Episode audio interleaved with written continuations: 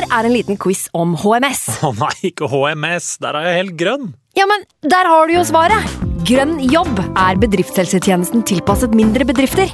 Våre HMS-eksperter hjelper mer enn 8000 bedrifter over hele Norge med alt fra lovpålagte HMS-krav til pålegg fra Arbeidstilsynet. Få på plass bedriftshelsetjeneste på grønnjobb.no. Hallo? Jeg kommer fra Oslo politikammer. Ine Jansen er purk. Er du purk? The motherfucking bitch. Alt jeg vil, er å finne ut hva som skjedde med mannen min. Jon Carew. Er jeg sikta for noe? Iben Akeli. Det er du. Ole So, Lars Berrum og Big Daddy Karsten. Hvem sin side er du på, egentlig? Anette Hoff, Tone Danielsen, Kommer du fra Afrika? Jørnis Josef, Nesten. Kløfta. Trond Espen Seim, Det er synd å si det, men det var feil mann som døde. Purk. Premiere tirsdag på TV2 Play. I can't believe it. Football, bloody hell.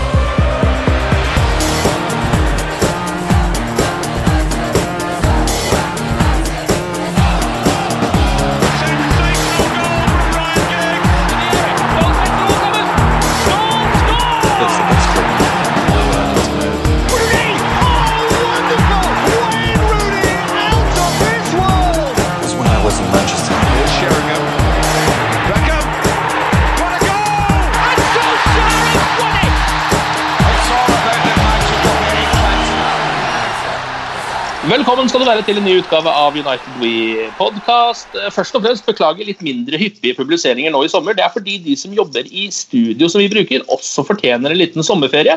Så det har de nå, men vi klarte ikke å vente lenger, så i dag så blir det på gode, gamle Skype, som vi har lært oss at funker helt greit pga. dette lille viruset, som vi ikke skal snakke så mye mer om i dag.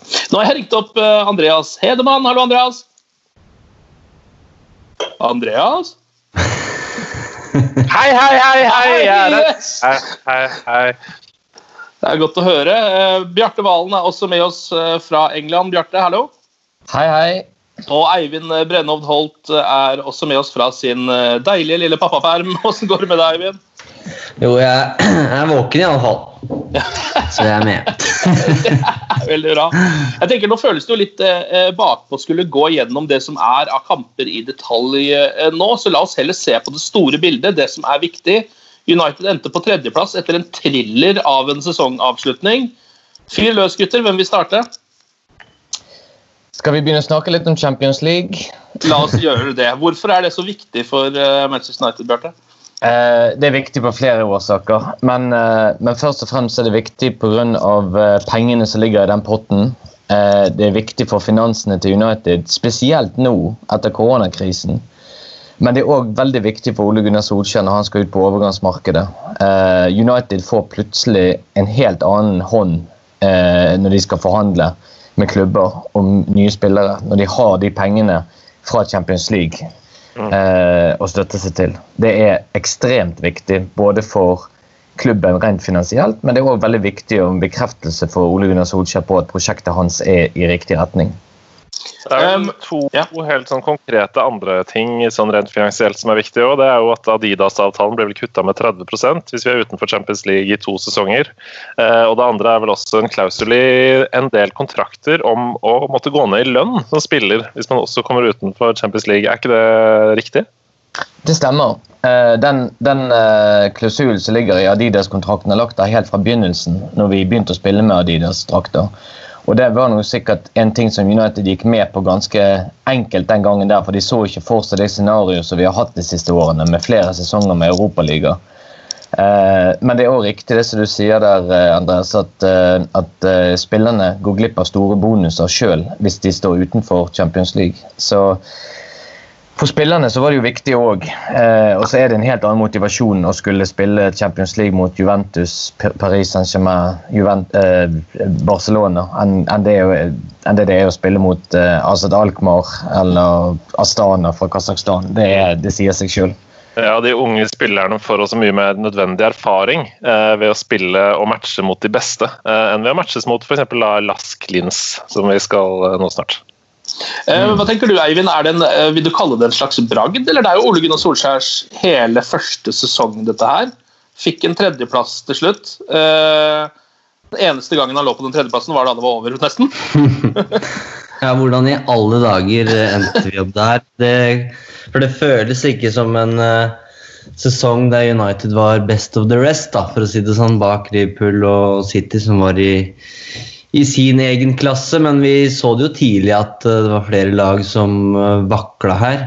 Og så har United på en eller annen måte kommet best ut av det. Og det er jo de gode periodene som på en måte Solskjær egentlig har hatt øh, spesielt nå, da kanskje to av. da, altså Den første medgangsbølgen da han kom inn, og så, nå etter at Bruno Fernandes kom inn. og Det som er gledelig, er at det har gått 14 det ble 14 ligakamper da, uten, uten tap. Og den stabiliteten der, det er jo den vi har på en måte etterlyst hele veien. Både Mourinho og og van Gaal tok jo United inn i, inn i, Champions League igjen, men de hadde ikke opplevd på en måte den nedturen som Solskjær kanskje hadde i høst. da.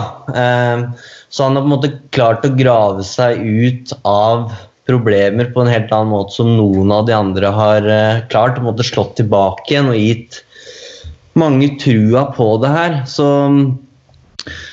jeg syns bare det er uh, vanvittig gledelig at de er med i Champions League. Det er kanskje mest av alt en lettelse. Uh, det hadde vært en solid knekk, tror jeg, å måte, fått et nytt en ny sesong da, med Europa League, selv om det er mange ting man kunne skyldt på.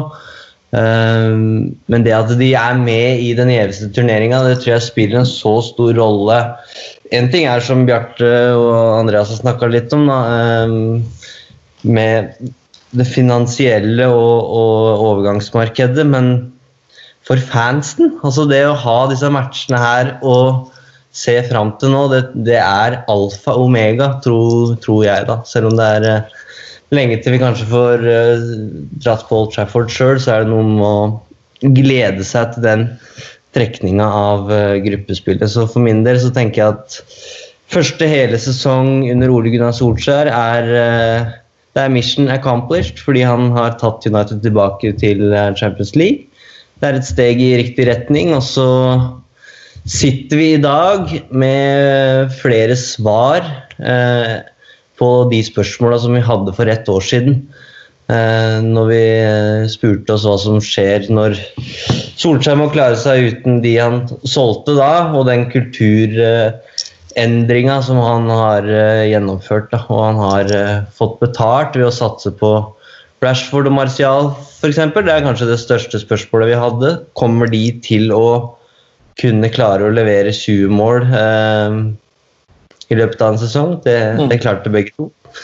Så, og det er mange spørsmål igjen som skal besvares, men det er et prosjekt som det er, eh, det er verdt å tro på da, fordi vi har fått de svarene.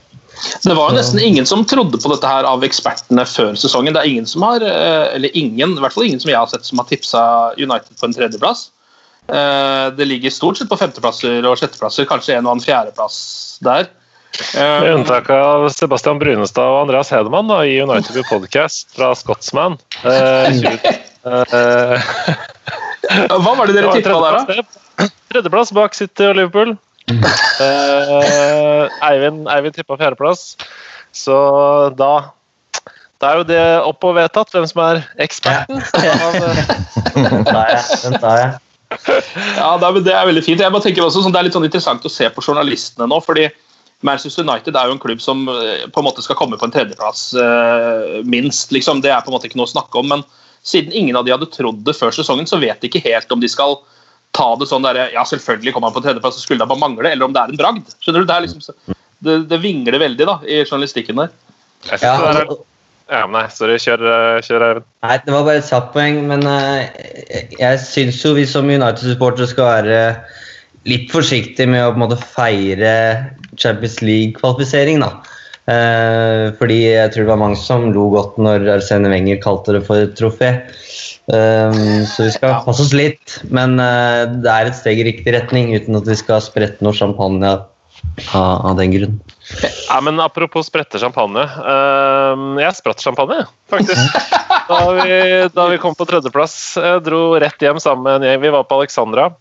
Men det var fordi du traff på tabelltips, ikke sant?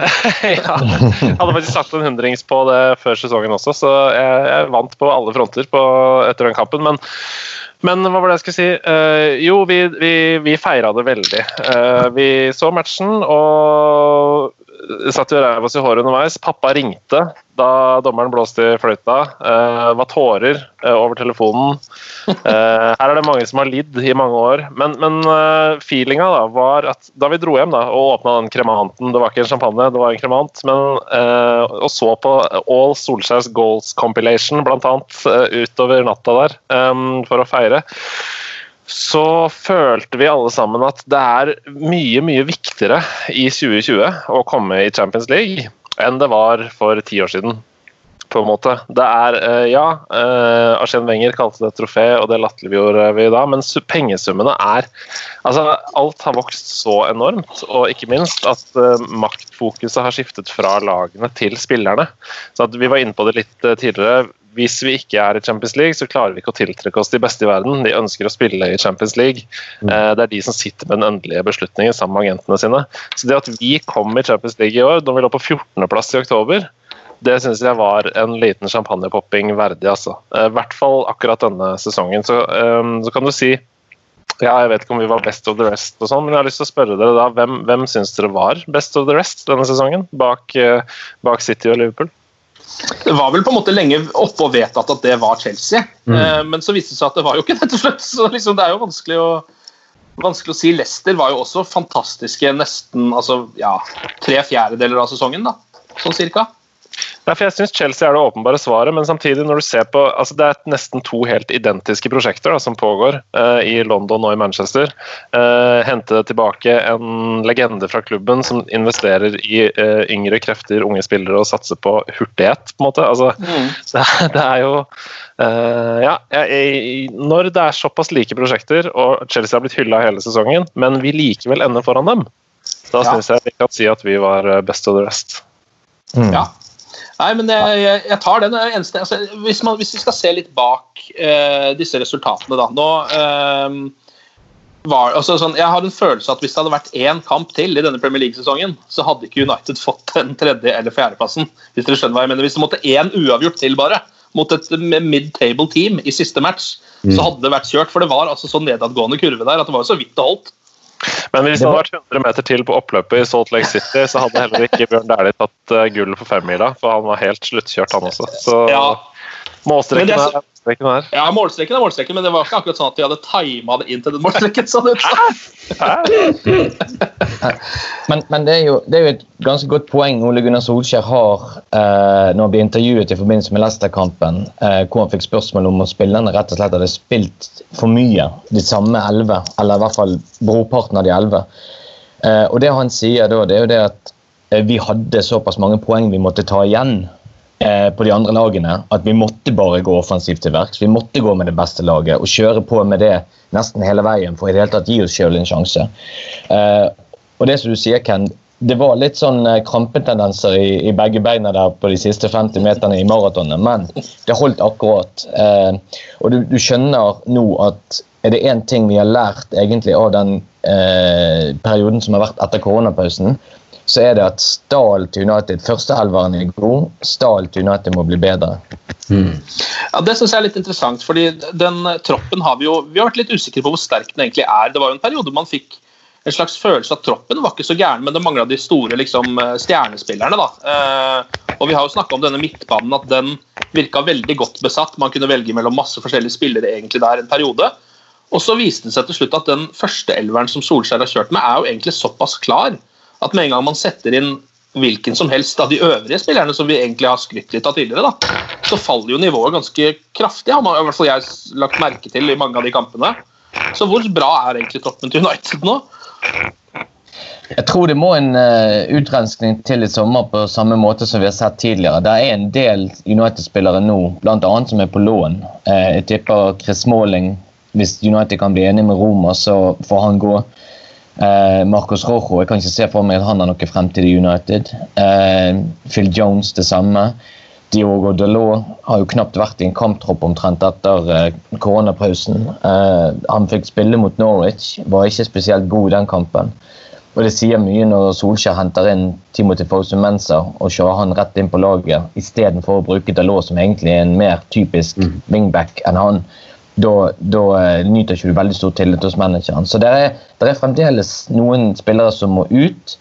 Eh, men jeg tror fremdeles det at det er Vi har kanskje nå fått frem de åpenbare ungguttene si, fra egne rekker, spesielt med Mason Greenwood, som Solskjær har gitt veldig mye ros, og han har gitt dem tillit, og han har respondert glimrende. Eh, men jeg, jeg sitter fremdeles med en sånn tanke om at det, det, det kan komme mer fra egne rekker. Eh, jeg tenker på en spiller som James Garner, for eksempel, som blir han United neste år, eller går han på lån til en championship-klubb eller en litt mindre Premier League-klubb for å få den nødvendige matcherfaringen? Eh, det hadde kanskje vært lettere i Europaligaen eh, å gitt han den muligheten, eller kanskje i ligacupen.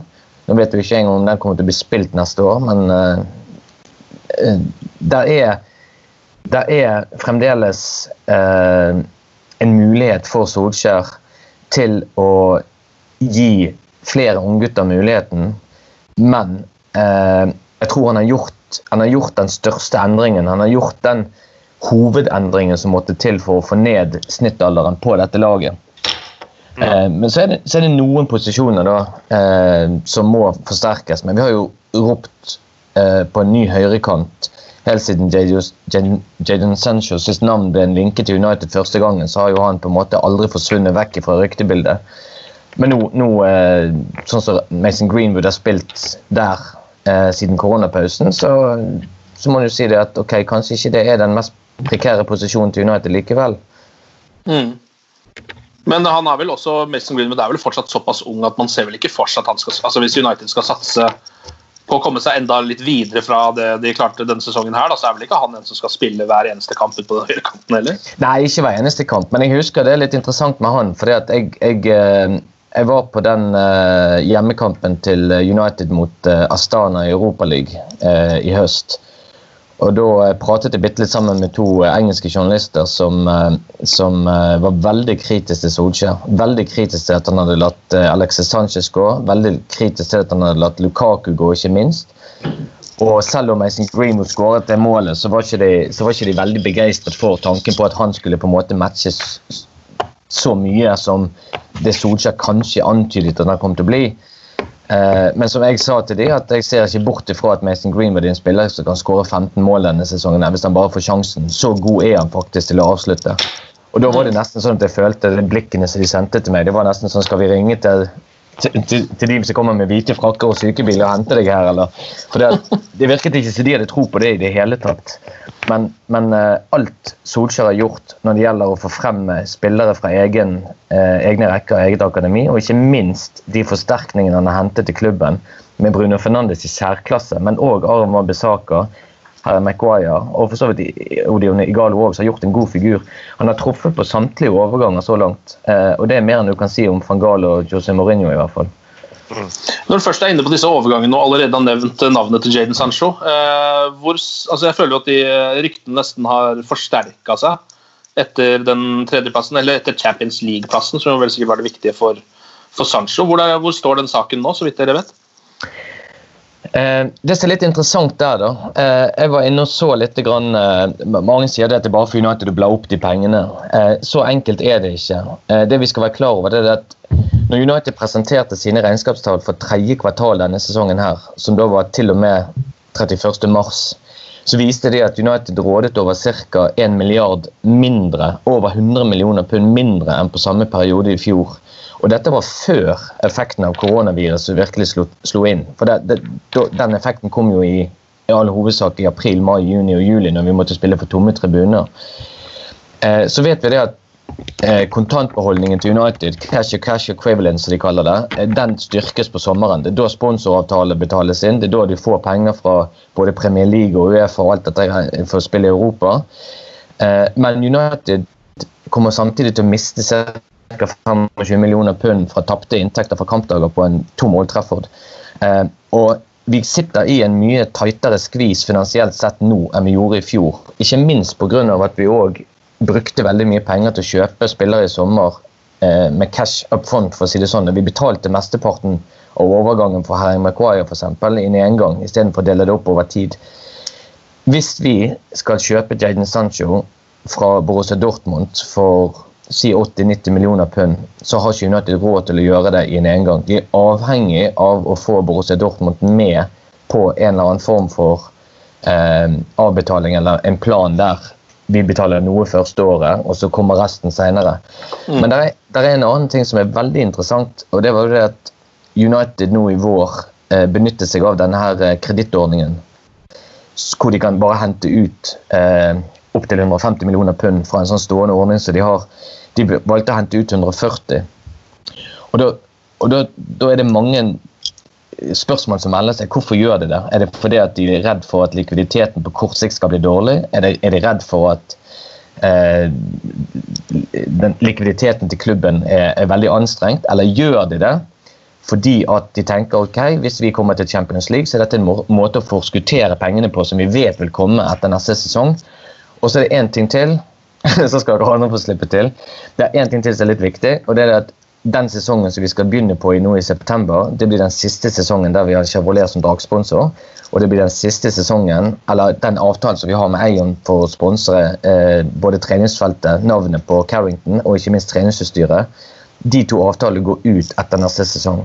Kanskje vet United-ledelsen noe som vi ikke vet, at de er kommet mye lenger med forhandlingene om en ny eh, dragsponsor og en, en, en sponsor til treningsutstyret til United.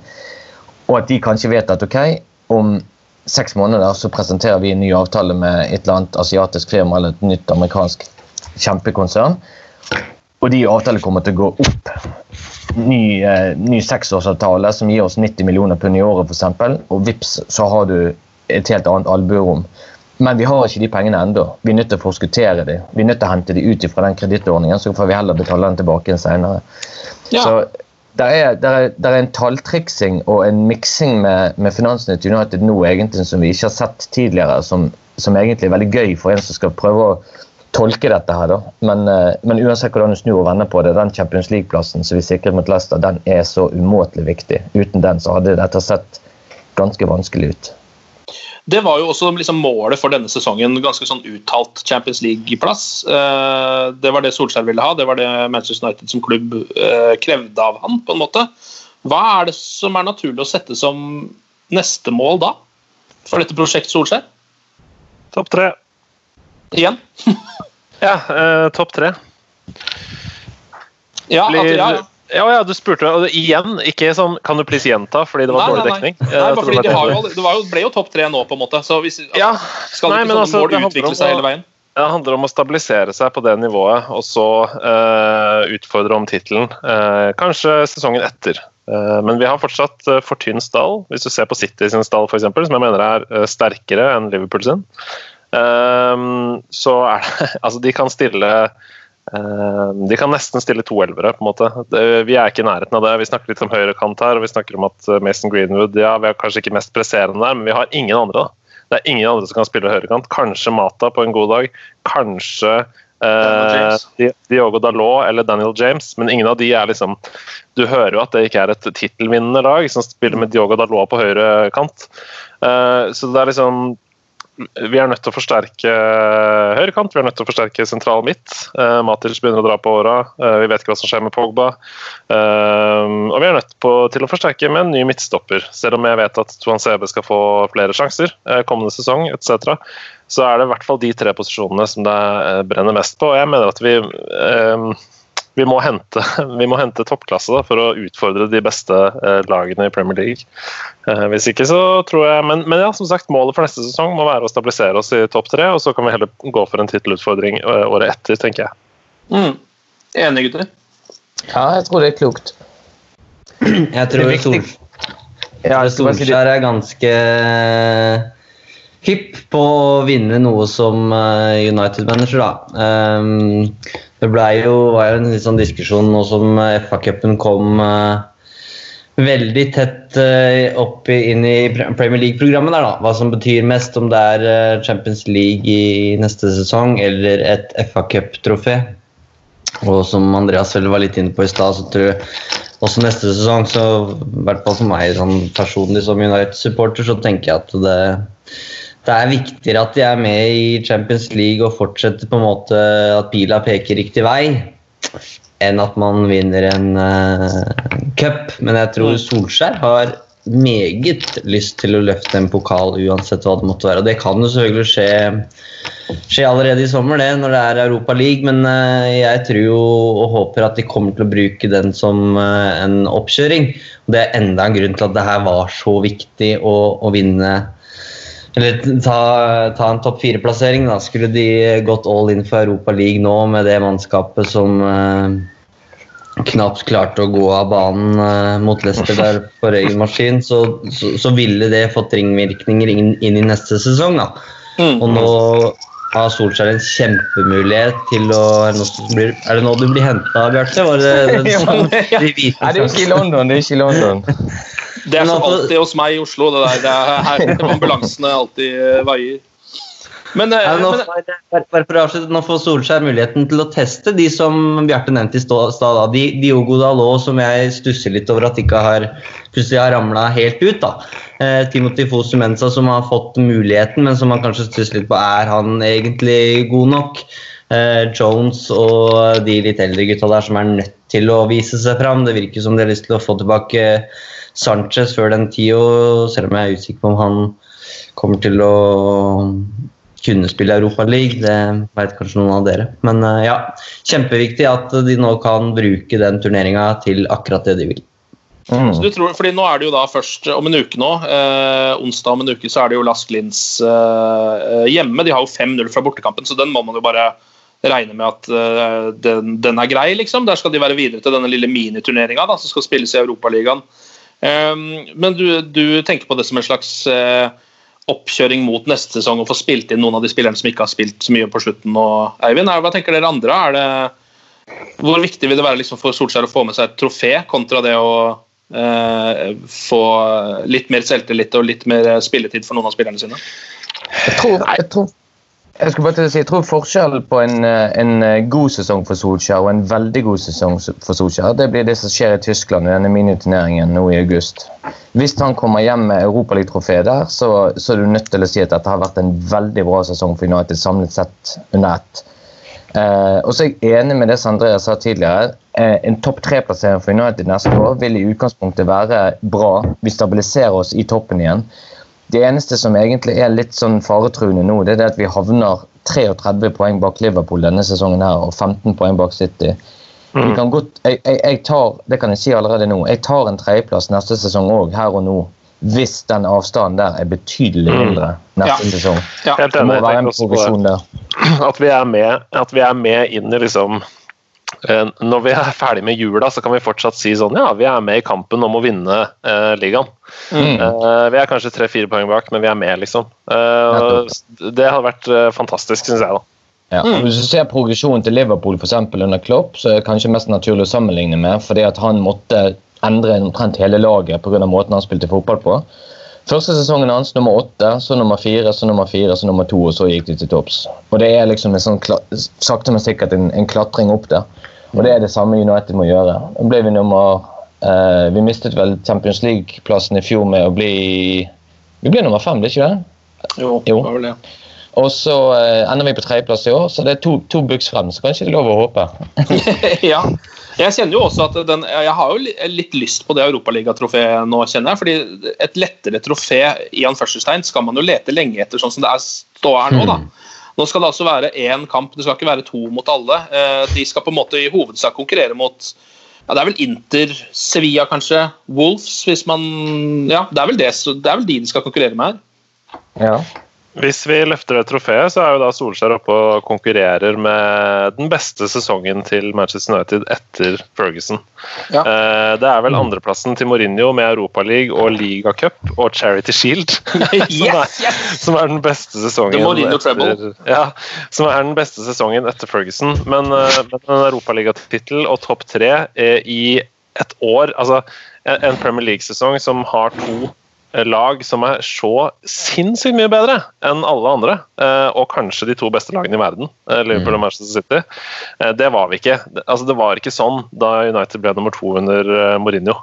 I det hele tatt. Premier League er på et helt annet nivå nå. og det er helt, Jeg, jeg mener kanskje at det er en av de kvalitetsmessig um, høyeste fotballkvalitetssesongen da, i Premier League noensinne. Og det er jo veldig rart, siden det er så mange topplag som har snubla og sånn. Men, men jeg mener egentlig bare at bunnivået har heva seg. da. Eh, selv om Norwich går på ni tap eh, av ni mulige etter koronapausen, så er det sånn at eh, det føles virkelig som at alle kan slå alle nesten.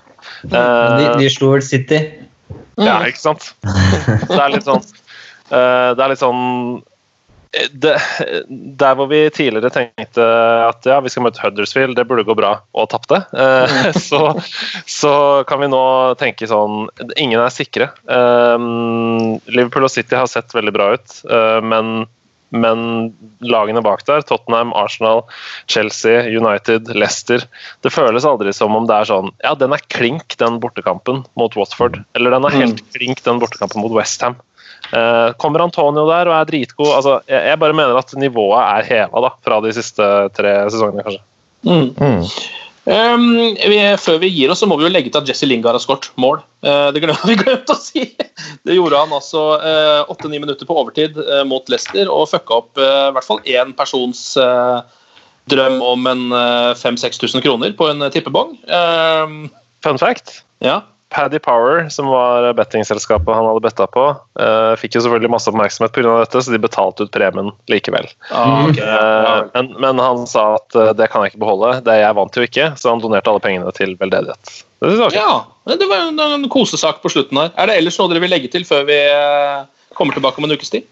Jeg syns ikke vi kan legge bort Jaden Sancho helt uh, enda. Da. Jeg syns også de uh, ryktene har uh, dratt seg til eh, etter at sesongen var ferdigspilt. Og det er, det er sikkert naturlig, men eh, det er jo også naturlig å tenke seg at United jobber i kulissene her for å få til et eller annet. Eh, men for å pirke litt i et vondt sår for mange, da, hvis det ikke blir Jaden Sancho, hvem er da nummer to på lista? For det syns jeg nesten er like viktig.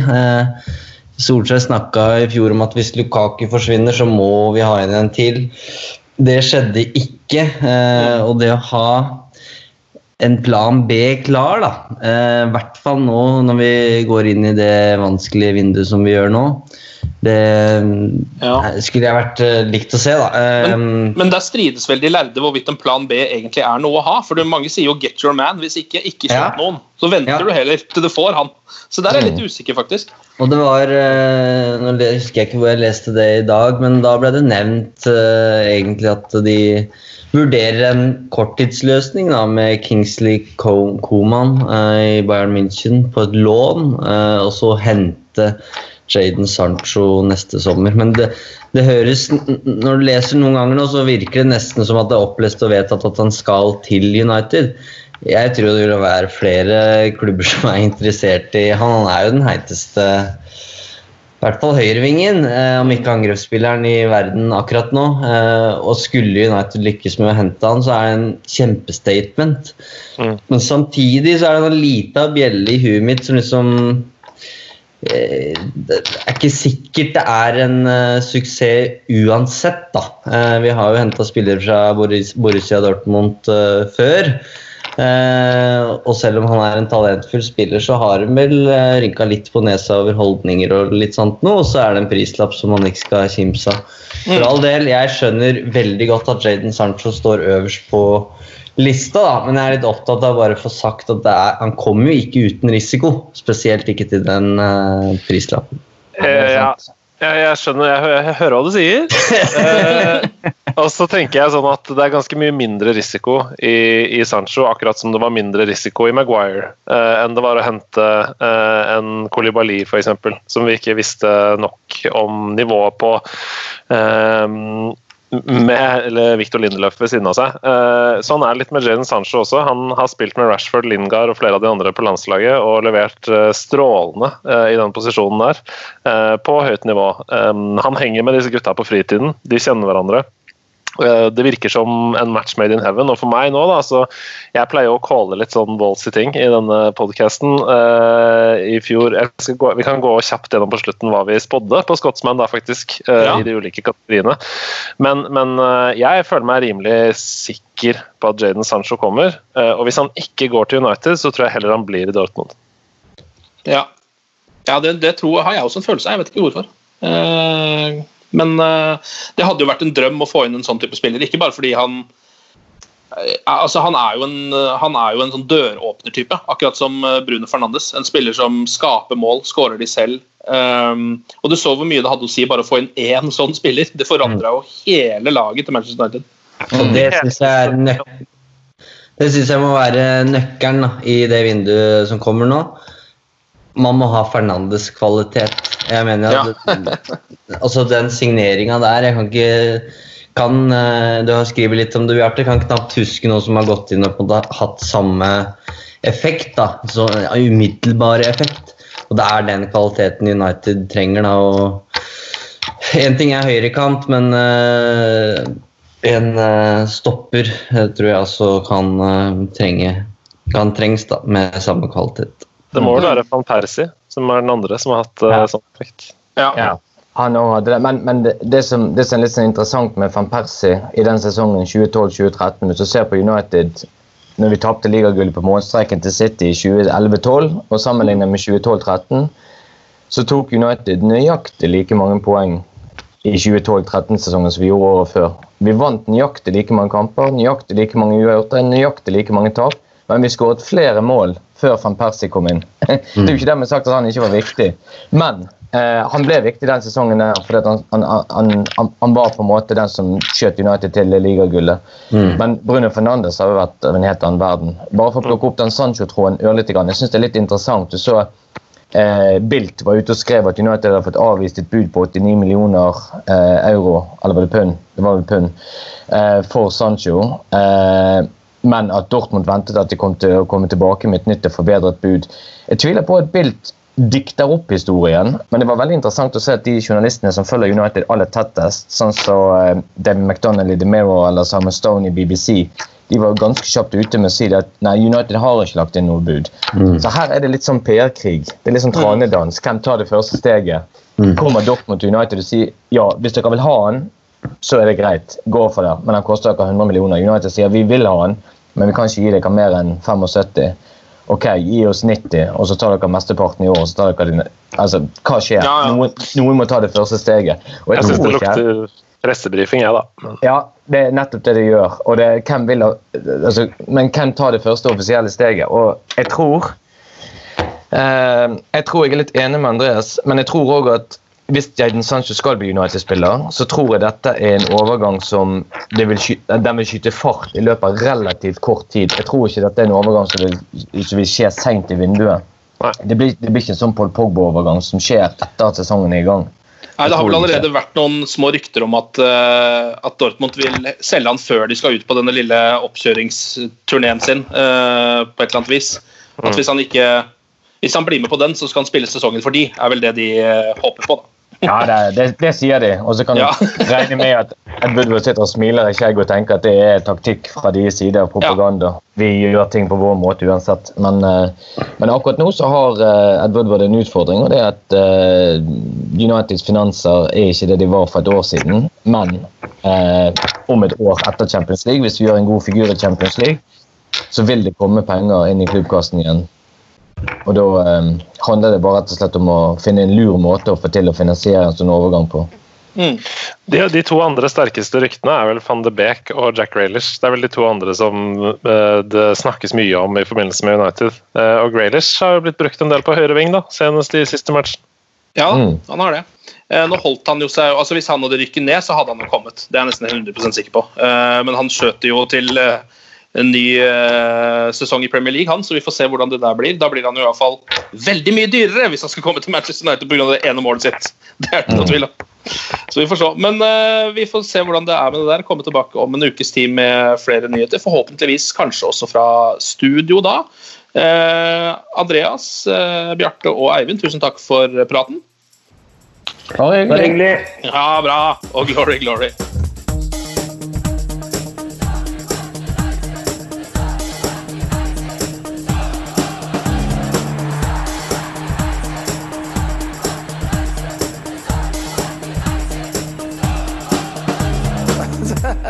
oh, it's true. I've seen many things. Moderne media. Ukens annonsør det er matkasseleverandøren Hello Fresh. Der kan du velge mellom 25 ulike oppskrifter hver uke, eller få Hello Fresh til å sette sammen en meny for deg. Jeg sparer tid på å handle, oppskriftene er veldig enkle å lage, og så får jeg akkurat det jeg trenger da, til hver eneste rett, så jeg slipper å kaste så mye mat som jeg vanligvis gjør. Det er også litt deilig å faktisk slippe å gå på butikken, ikke bare fordi det er tidkrevende, og sånn, men fordi man ender opp med å kjøpe så mye greier som man egentlig ikke trenger, sånn som fire poser eh, Smash og en kick med havsalt, eksempel. Det er ikke det du egentlig er der for, du er der for å kjøpe, kjøpe middag. Så det er en veldig eh, kjekk ting. I tillegg så er det jo eh, ferdigporsjonerte ingredienser, det blir mindre matsvinn, og du betaler bare for det du faktisk trenger, og det du faktisk da spiser. I tillegg så blir det da levert på døra til et fastsatt tidspunkt, sånn at du kan få det akkurat når det passer for deg eh, sjæl. Hvis Hello Fresh høres ut som noe for deg, så har jeg en rabattkode du kan bruke også. Gå inn på hellofresh.no og bruk koden HelloUnited24. HelloUnited i ett ord, også 24, og få opptil 1779 kroner i rabatt på de fem første matkassene dine hvis du ikke har prøvd Hello Fresh ennå. Du kan også bruke koden hvis du tidligere har vært kunde, men har stoppa abonnementet ditt for tolv måneder siden eller mer. Det er ingen bindingstid, og du kan pause eller avslutte abonnementet ditt akkurat når du selv måtte ønske. Husk koden HelloUnited24, og bon appétit! Ukens annonsør er Folio, en smartere banktjeneste for deg som har en egen bedrift eller ønsker å starte for deg selv. Folio er en superenkel nettbank for bedrifter. Som kunde i Folio får du en bedriftskonto med et bedriftskort og app. I denne appen er det smarte løsninger som forenkler regnskapet ditt, uansett om du har en liten bedrift eller et enkeltpersonsforetak. Folio er både intuitivt og brukervennlig, og er laget med et enkelt språk. I tillegg tilbyr de forutsigbare priser og ingen skjulte gebyrer. Skulle du likevel trenge det, så kan du snakke med deres raske og hyggelige kundeservice, og der får du prate med en faktisk person og ikke en chatbot. Folio er med andre ord både enklere og koseligere enn banken. Over 10 000 bedrifter har allerede valgt Folio som sin banktjeneste, så besøk folio.no og se hvordan Folio kan forenkle din hverdag også. Har du et enkeltpersonforetak eller en liten bedrift? Da er du sikkert lei av å høre meg snakke om hvor enkelt det er med kvitteringer og bilag i fiken, så vi gir oss her, vi. Fordi vi liker enkelt. Fiken superenkelt regnskap.